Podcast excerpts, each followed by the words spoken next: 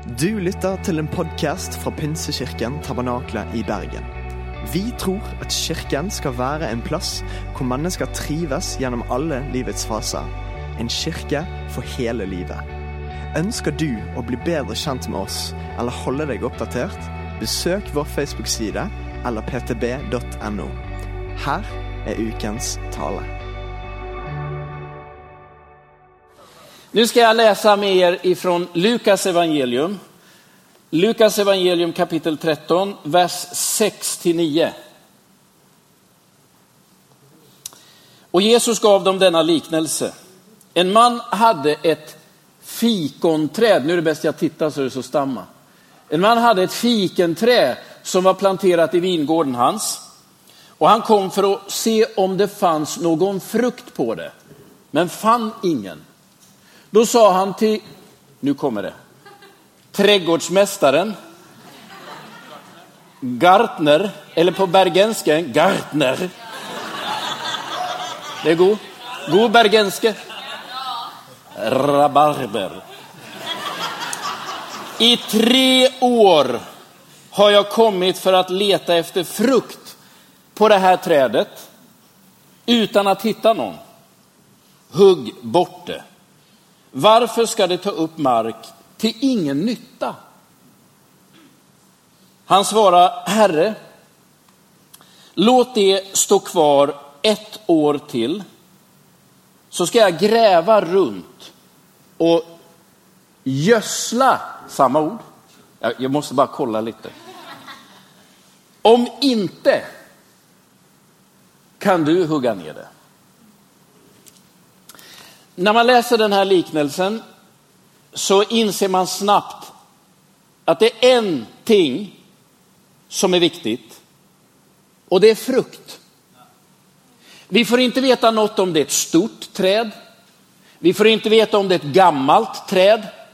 Vi får bara veta att det fattas frukt.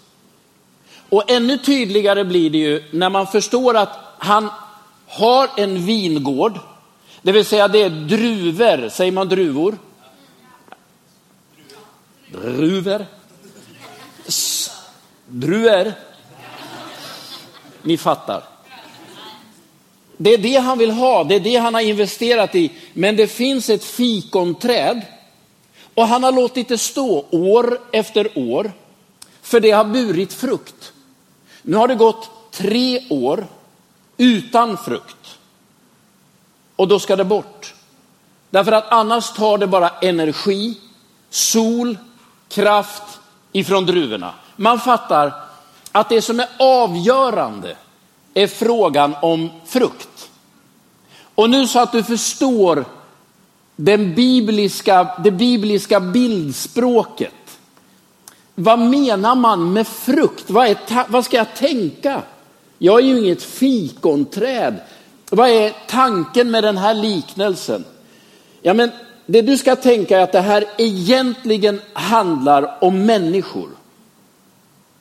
Och det, frågan är, vad producerar våra liv? I Sverige så talar man mycket om att man ska äta fem frukter varje dag. Känner ni igen det här? Ett halvt kilo frukt och grönsaker var dag. Det är bra för hälsan. Det är bra för, för du får i dig vitaminer, spårämnen, motverkar cancer. Det motverkar mängder av sjukdomar för hjärt och blodomlopp. Det är nästan som en mirakelkur.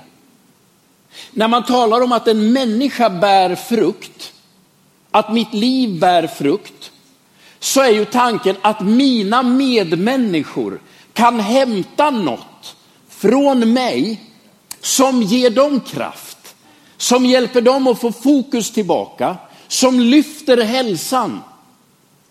Ni vet, det finns människor som man möter och när man har pratat med dem en liten stund så tänker man, hur ska jag komma härifrån?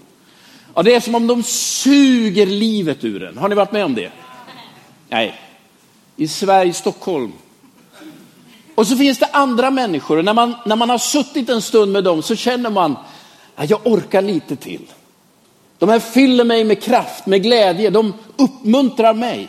Det finns människor som, som är som en hälsoinjektion i en klass, i en gemenskap och ett arbete. Och det finns de som gör att allting känns dåligt. Så när Jesus talar om att bära frukt, då menar han det som vårt liv producerar, som är till glädje, till ny kraft, till hälsa för människor runt omkring oss. Hänger ni med på bilden? Jag vet när våra barn var små, jag har fyra barn, de är ju vuxna nu allihopa, och man, man inte hade börjat laga middagen i tid. Och blodsockernivån sjönk och man inser tredje världskriget kommer att börja alldeles strax. Då sa man, då sa man till barnen, ta en frukt.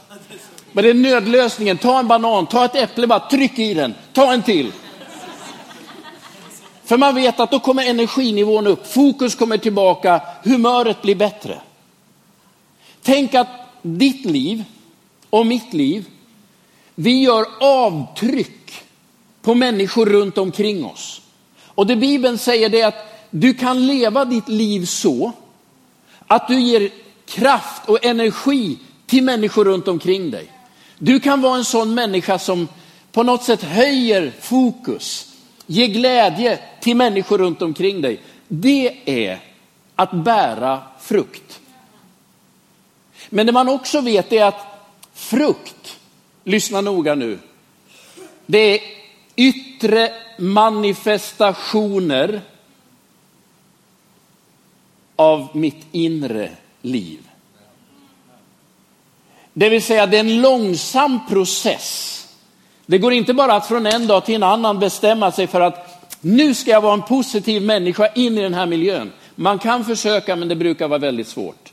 Det är någonting som börjar mycket, mycket tidigare i djupet av vår personlighet och som över tid förändrar oss så att vi bär frukt. Som människor runt omkring oss tänker, det här ger mig kraft. Det här ger mig energi. Och det du ska tänka det är att Jesus önskar att vi människor ska bära frukt. Det är liksom grundtanken. Men i den här, i den här liknelsen så finns ju ett uppenbart problem. Det är ett träd som har burit frukt. Men utvecklingen har gått helt åt fel håll. Det är en sak när det är ett litet träd som börjar växa och så småningom kommer frukten. Men här är det ett träd som har burit frukt. Men med tiden har det blivit mindre och mindre frukt. Och till slut är det ingenting kvar. Det vill säga det har gått baklänges. Och låt mig säga att detta har jag mött hos människor mer än en gång. Människor som har varit fulla av energi, fulla av någon sorts god lust att hjälpa sina medmänniskor att sträcka sig med kärlek, glädje, tålamod, frid, godhet, ödmjukhet, självbehärskning till andra människor runt omkring sig. Men så inträffar någonting som tippar åt fel håll. Och man blir mer bitter, mer kall, mer hård. Man blir elakare med orden. Man blir mindre medkännande. Det kan gå så i människors liv.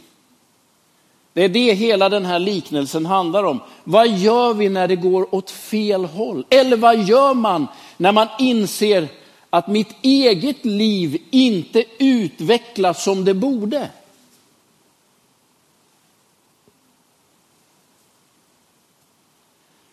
Och då finns det två perspektiv. Det ena är ägaren och den andra är gartnern Gardner, trädgårdsmästare. Säg efter mig, trädgårdsmästare. Det är Gartner. Jag säger Gartner. Det är okej? Okay? De, de här två, det är de två jag tänker jag ska säga någonting om. För ägaren, han kommer och konstaterar att det finns ingen frukt.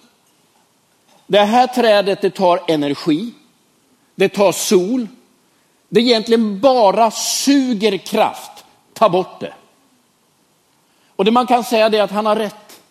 Han talar sanning och hans förslag det är logiskt. Han söker resultat och det finns inget. Så han säger ta bort det här, väck med det. Det är det ena perspektivet. Det andra perspektivet det är ju den här gartnen. Han talar ju också sanning. Men på ett annat sätt. Och det första trädgårdsmästaren säger som jag vill att du ska ta med dig. Det första han säger det är att lösningen på problemet det finns någon annanstans än där problemet visar sig. Det vill säga ägaren säger, titta på grenarna, det finns ingen frukt. Titta på grenen igen, det är helt tomt. Jag har kommit tre år och tittat på vart, jag har letat igenom varenda gren, ingen frukt, hugg bort det. Sant? Ja. Trädgårdsmästaren, ja det finns ingen frukt. Jag har också tittat igenom alla grenar. Men min lösning är att börja arbeta med rötterna. Det vill säga lösningen på problemet finns någon annanstans än där problemet visar sig. Och det här är det första jag vill att du ska ta med dig. För när jag läser den här liknelsen så inser jag att det Jesus rekommenderar oss är att börja tänka som en gartner. Problemet är att jag har en ägare i mitt huvud också. Men när du funderar över dig själv och tänker, det blir inte bättre i mitt liv. Jag utvecklas inte som Gud har tänkt. Jag är inte till glädje för mina medmänniskor. Har du någon gång tänkt så? Och så har du tänkt som ägaren, jag är i vägen, jag är inte till någon nytta, någon annan borde ta min plats. Jag kan tala om för dig att så har jag tänkt så många gånger. Jag står här och jag är bara i vägen. Någon annan ska ta, jag flyttar, jag gör något annat, jag ska börja köra buss. Det är ägarens perspektiv. Det ger så lite resultat. Men trädgårdsmästaren, han säger att om du bara tittar på det som fattas i ditt liv, om du bara fokuserar på det som inte finns hos dig, så kommer det aldrig leda till en lösning. Alltså lösningen på dina problem finns någon annanstans än där du ser dem. Jag har suttit i samtal med många äkta par. Man har levt samman många år och så har relationen börjat gå baklänges. Man har haft en tid då man har varit så kär, så öm, så god. Men sen är det som att någonting börjar gå åt fel håll. Och så, så sitter jag och talar med man och hustru och så säger hon att han lyssnar aldrig på mig. Och han säger, nej men hon bryr sig inte om vad jag tänker. Och så säger han, han lyssnar aldrig på mig. Nej, och han bryr sig inte om mig och hon hör inte vad jag säger. Och så tänker jag, om vi fortsätter att tala om allt som fattas och om vi upprepar det gång på gång på gång kommer vi ändå aldrig att lösa problemet. För lösningen finns någon annanstans än där problemen visar sig.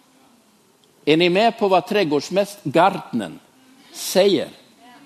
Jag ser också att det är tomt på alla grenar. Men lösningen är inte att titta en gång till. Vi måste göra ett ingrepp någon annanstans. Och om du vet hur ett träd funkar så är det lika mycket som finns under ytan som är över ytan. Och det Gartnen säger det är, det behöver hända någonting på djupet, längst ner. Det jag inte ser, någonting som, som rötterna suger upp. Om det händer, säger Gartnen, så kanske vi har en lösning. Alltså lyssna nu, det här är en god insikt på många områden i livet. När du ser problem så är sällan, nästan aldrig lösningen att peka på problemen. Lösningen finns nästan alltid någon annanstans. Eller när man kommer till en församling och så tänker man, här vill ingen någonting. Här är det kallt. Här är människor elaka. Här är människor inte intresserade av nya människor. Då kan man säga, det är helt sant. Det är rätt. Men lösningen är inte att upprepa alla brister. Men jag är så duktig på det. Lösningen finns alltid någon annanstans på djupet. Men jag inser att i mitt huvud finns ägarens röst. Titta på vad som fattas. Det är dags att ta bort det. Men det Jesus säger det är, du behöver välja att tänka om dig själv, om andra, om relationer som en gartner. Och då vet du det första. När någonting blir fel så är lösningen nästan alltid någon annanstans än där problemet visar sig. Och det Jesus säger det är, med den här liknelsen, det är att problemen i våra liv ligger oftast djupt i det fördolda. Långt ner under mark, det ingen av oss egentligen kan se eller komma åt. När ett äktenskap börjar gå sönder och man upprepar alla brister som finns, lösningen är ju att någonting sker på djupet i två människor. När relationer blir dåliga så hjälper det sällan att upprepa allt som är fel. Någonting behöver hända på djupet. Är ni med på vad Gartner säger? Det han också gör, denna Gartner, som jag, jag älskar honom, det är att, att han väljer att se i tro. Ägaren är realist. Det finns ingen frukt.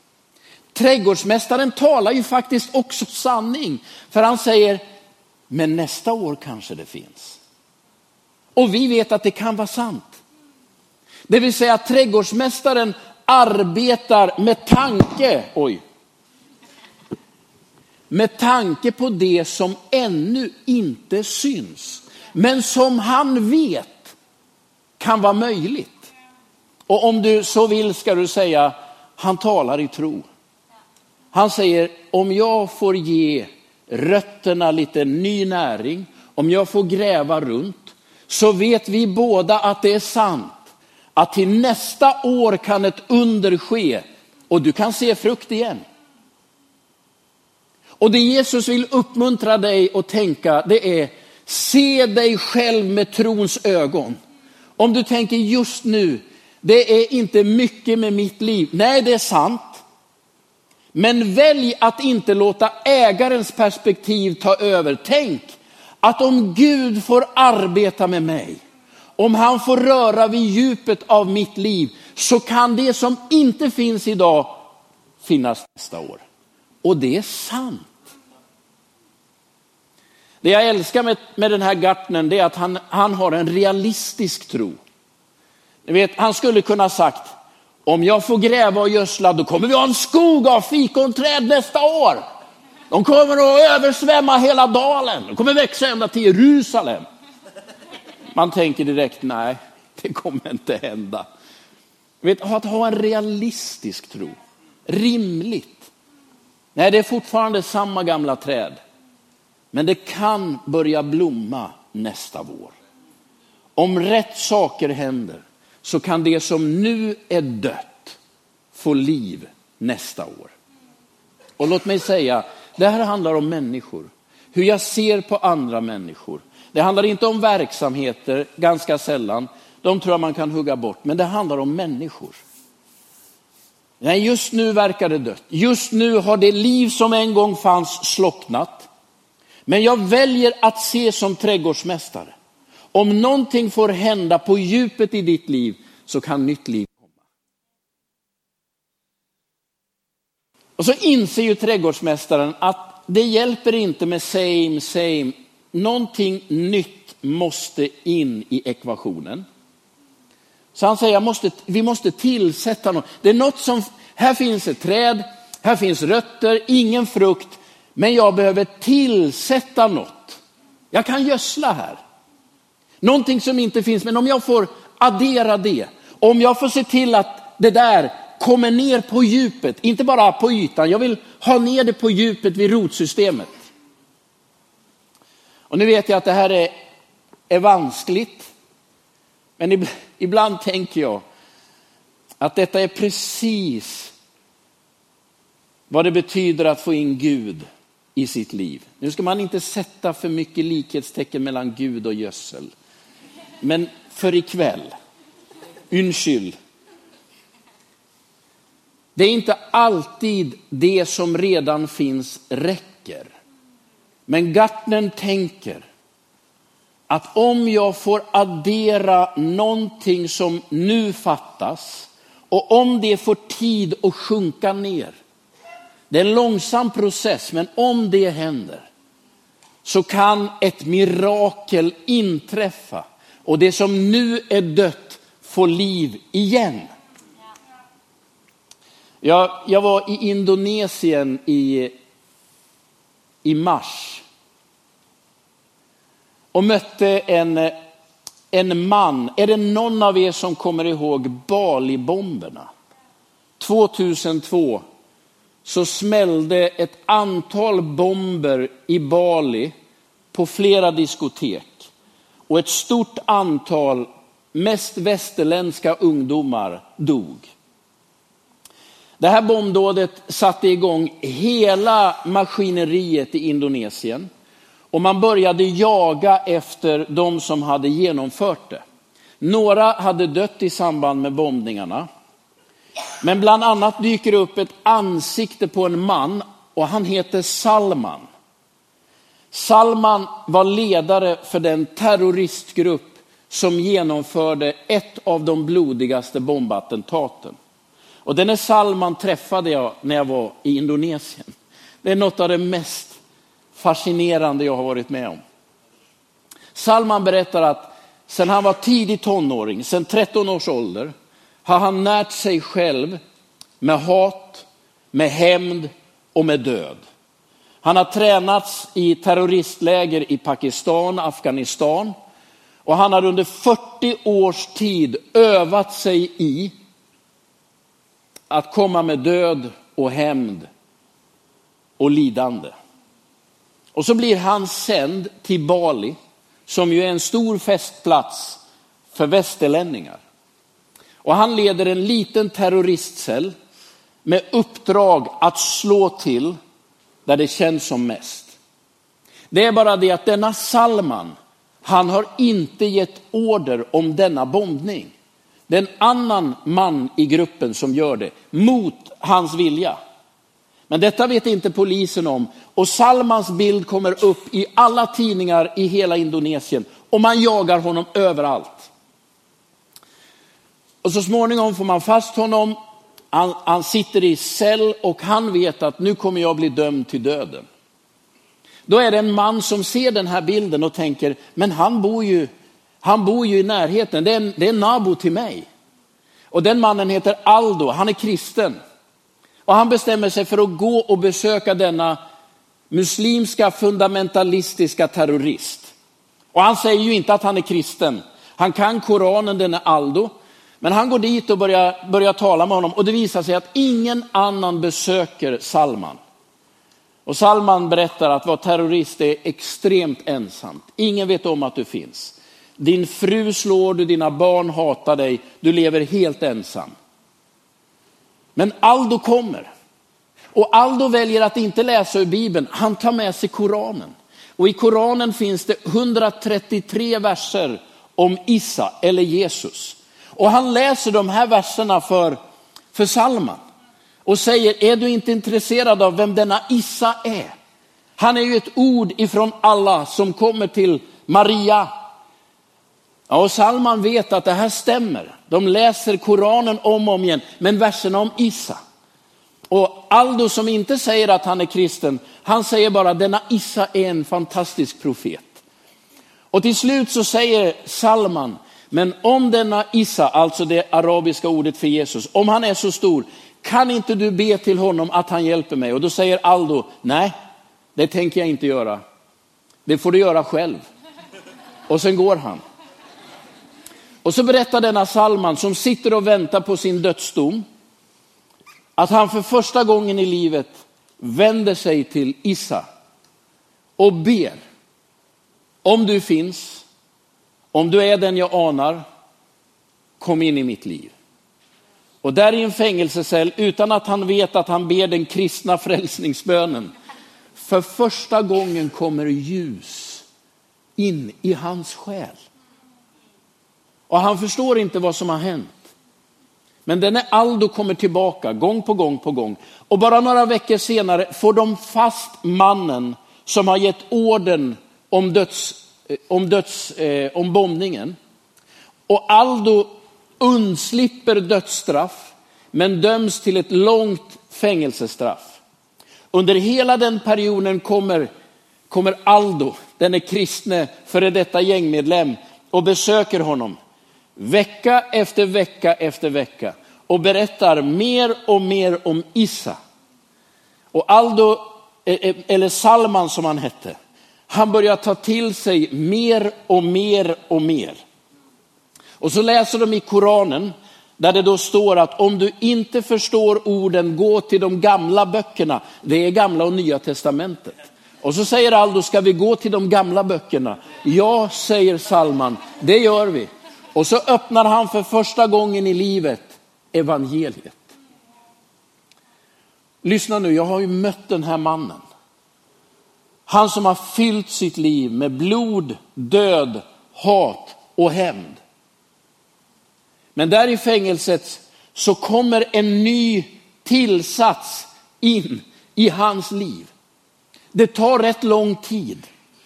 Det verkar inte direkt. Men någonting som inte tidigare fanns i hans liv börjar nu verka på djupet.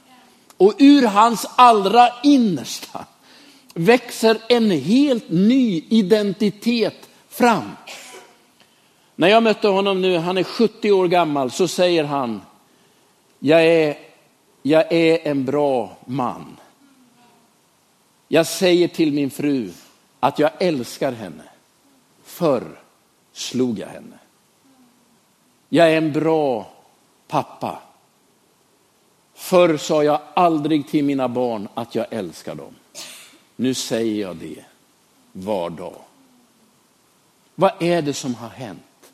När man möter en sån man och tänker, här står jag framför en av de salafistiska terroristerna. Han har vigt 40 år av sitt liv åt mörker, död och hat. Vad var det som hände? Ja, men någonting nytt som inte tidigare fanns kom in på djupet i hans liv. Och det hände inte ögonblickligen, det finns ingen quick fix. Men när evangeliet om Jesus gång på gång på gång upprepades och han gång på gång på gång upprepade detta för sig själv. Min synd är förlåten. Jag är ett barn till Gud. Så älskar han världen och mig att han gav sitt liv. Då börjar någonting nytt i hans inre och det döda trädet börjar blomma och frukt växer. Och du som nu sitter här och tänker, det är tomt i mitt liv. Jag ser ingen frukt. Du, mitt råd till dig är, sluta tänka på alla problem. Börja tillåt dig själv att evangeliet om Jesus Kristus får sjunka ner i dig. Var inte så bekymrad av det du inte ser idag. Tänk som en gartner, inte som en ägare. När du ser dig själv i spegeln och tänker det är inget med mitt liv så ska du tänka men jag är inte ägare av mitt eget liv. Jag är gartner till mig själv i bästa fall. Och jag älskar när den här gartnern säger du om yxan ska fram då kan du göra det. Då går jag. Så här tänker jag om mig själv. När jag möter människor, och jag gör ju det, där jag ser här finns ingen frukt. Det har en gång funnits frukt, nu är den borta. De här människorna de tar bara solljuset från alla andra. De tar näring från alla andra. Och får de stå kvar kommer de förstöra hela vingården. Så tänker jag, jag borde hugga bort dem. Men så tänker jag på den här liknelsen och så inser jag Jesus har talat om för mig att jag är inte ägaren, jag är gartnern. Det jag har att göra är att säga om vi får någonting mer in i ekvationen, om, om den helige andes kraft fick komma över dig, då kommer det som idag är dött att börja blomma igen. Men vi har två röster i huvudet. Eller jag har det i alla fall. Jag är ägaren.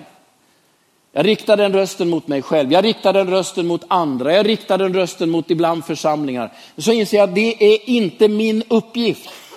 Vem är det som äger mig? Vem är det som äger er? Det är inte jag, det är Gud. Den som till sist ska fälla det slutliga omdömet är inte jag utan Gud. Vad är min roll? Jag är gartner. Jag har att se i tro på människor. Jag har att se i tro på mig själv.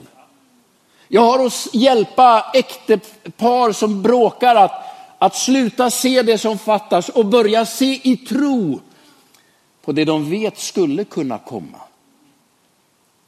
Och jag har den starkaste tron att om människor får ta till sig evangeliet om Jesus Kristus och om det får lite tid att verka ner på djupet, då kommer frukten av sig självt. Det går inte att hindra den. Och du som sitter här och tänker, jo det har blommat i mitt liv men nu är det dött. Ja, men den här kvällen kan göra att allt blir annorledes. Om du sitter här och tänker, hos mig har aldrig vuxit frukt, den här kvällen kan allt bli annorledes. Det du ska göra är att låta Jesus på något sätt röra vid djupet av din person. Det tar lite tid. Du ska låta anden få sjunka in i hela din varelse. Över tid börjar du bära frukt. Tänk, inte ägare, gartner. Nu ber vi tillsammans. Herre Jesus, jag tackar dig för att du är god. Och du är gartnern i våra liv. Du är den som ser i tro det som inte finns. Men du talar sanning. Herre, du är den som ser när livet har slocknat, men som har medicin att ge liv tillbaka. Och nu vill jag be dig att du den här kvällen ger nytt liv till den som, som, som saknar det. Att du ska för första gången slå tag i en människa. Låt det gå ända in i djupet. Och du vet alla oss som ibland är hårda mot oss själva. Hjälp oss att våga tänka som Gartnern också när vi ser oss själva i spegeln. Tack Herre för den här liknelsen och jag ber att jag för alltid ska låta dig vara ägaren och att jag själv ska förbli gartner. Och herre, tackar dig för att du ger det uppdraget till alla oss. Hjälp oss att se andra människor i tro. Även om vi vet vad som fattas, att se att någonting nytt kan komma där livet har slocknat. Tack för att du är undrens Gud. Rör vi oss, gör det du vill med oss den här kvällen. Amen.